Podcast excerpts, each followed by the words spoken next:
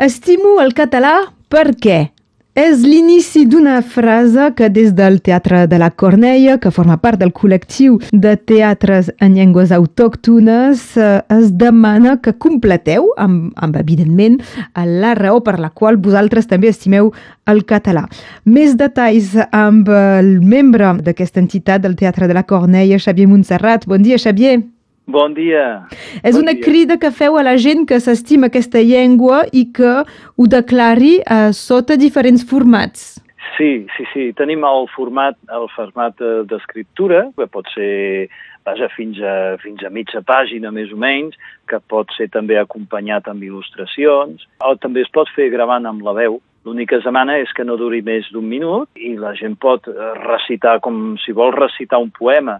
L'interès és, és parlar de la llengua perquè se l'estima, però també sentir-la, perquè la finalitat, si voleu saber, la finalitat d'aquesta campanya és de poder-ne fer una creació artística, un espectacle al carrer. Aleshores, en global, el que passarà és que hi haurà un espectacle amb les diferents llengües de l'estat francès i aquestes llengües acabaran retrobant-se. Vull dir, cada, cada escena eh, tindrà lloc en, en diversos punts eh, de la ciutat de Rodès, a l'Aveiron, i Pas al Conflent, després... eh?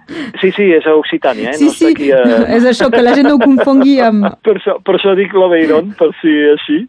Doncs eh, això, doncs, eh, ca cada llengua tindrà un lloc on hi haurà petites escenes de 5-10 minuts que després eh, és un espectacle que serà itinerant. I aquestes paraules que, que hauran estat recollides en totes aquestes llengües, aquestes paraules com en el nostre cas el català, doncs seran dites al públic, pels actors.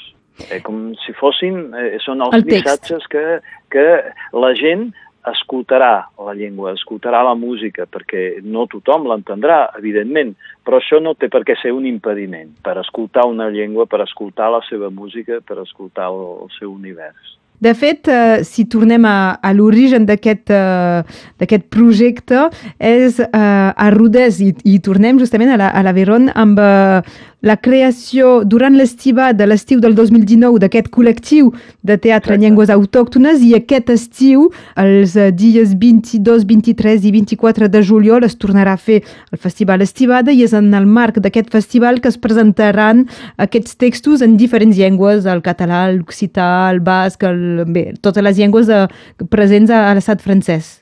Exacte, exacte. Vull dir, la, la, el col·lectiu va néixer, va néixer el 2019 i, de fet, era una trobada de, de companyies d'espectacle en diferents llengües. I va ser allà doncs, que ens vam constituir en col·lectiu per poder treballar junts, perquè diuen que units fa la força perquè la problemàtica és més o menys la mateixa a tot arreu, no?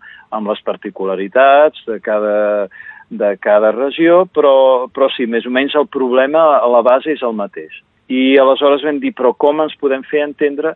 I vam crear aquest col·lectiu. Aleshores, l'any passat no van haver-hi aquestes trobades perquè, és clar va haver la, la pandèmia i el festival es va haver d'anul·lar, i aquest any, si tot va bé, toquem fusta, doncs el festival no s'anul·larà i podrem seguir el treball que havíem començat ara fa dos anys. I per concretar-ho, perquè la idea era poder fer espectacles en les diferents llengües i presentar-los, saps, com el festival, però de moment, com que les coses estan com estan, doncs vam pensar, mira, fem un espectacle al carrer, una cosa oberta, una cosa que, que la gent pugui, pugui moure's, que no hi hagi aquesta, uh, aquest límit de, de places, i vam dir, fem espectacle de carrer. I vam pensar en aquesta idea. Eh, Doncs, evidentment, si vosaltres heu més o menys eh, o de seleccionar o d'aprendre eh, aquests textos, aquestes frases, eh, demaneu, hi ha una data i eh, si s'ha de presentar el 22 de juliol, la data per enviar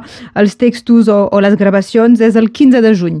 Exacte, sí, perquè com que després ho hem de, hem de tenir per tenir temps, bé, si arriben una mica més tard, no passa res, és més que res perquè pel treball nostre de poder tenir temps de seleccionar, de posar-ho tot en, en ordre per preparar la feina pel, pel festival. Aleshores, això s'hauria d'enviar a l'adreça electrònica del Teatre de la Cornella, que és T de la Cornella, C-T-D-E-L-A, Cornella, com en francès, tot junt, arroba gmail.com. Aquesta és l'adreça electrònica per enviar el text amb les il·lustracions o bé el, el so enregistrat. Pot ser enregistrat amb un mòbil mateix, no? Suposo? Exacte. Tot, eh, tot suport és bo. Sí, sí, sí, sí. Nosaltres el cre creem una base de dades perquè la gent hi pugui tenir accés. La gent que no pugui venir a veure l'espectacle doncs podrà tenir accés a tota aquesta... En fi, treballem perquè la gent pugui tenir accés a tot aquest treball que estem fent. I no hi ha límit d'edat, és a dir, algú pot fer fer al, al seu fill... Eh... Exacte. No hi ha límit d'edat, no hi ha límit de domini de la llengua, és a dir, pot ser una persona que apenes comença a aprendre'l però que s'anima i vol dir alguna cosa, com la persona més que el domina perfectament i que vol participar-hi, doncs to tothom és benvingut. L'únic límit és la durada. La durada pel text gravat és un minut. I després hem pensat que el text, doncs, una mitja pàgina doncs, ja aniria bé. Després la, les il·lustracions doncs, pot ser doncs, una pàgina o una quatre. Estimo el català, per quines raons, si vosaltres voleu explicar les vostres eh, i que d'aquesta manera els actors, els membres del Teatre de la Cornella reprendran les vostres eh, paraules, els vostres textos, no ho dubteu, t de la arroba gmail.com abans del 15 de juny dins, uh, dins l'ideal i si no un, un poc més tard si, si, si feu tard. És el que ens Exacte. explicava uh, avui el Xavier Montserrat. Sí, moltes gràcies.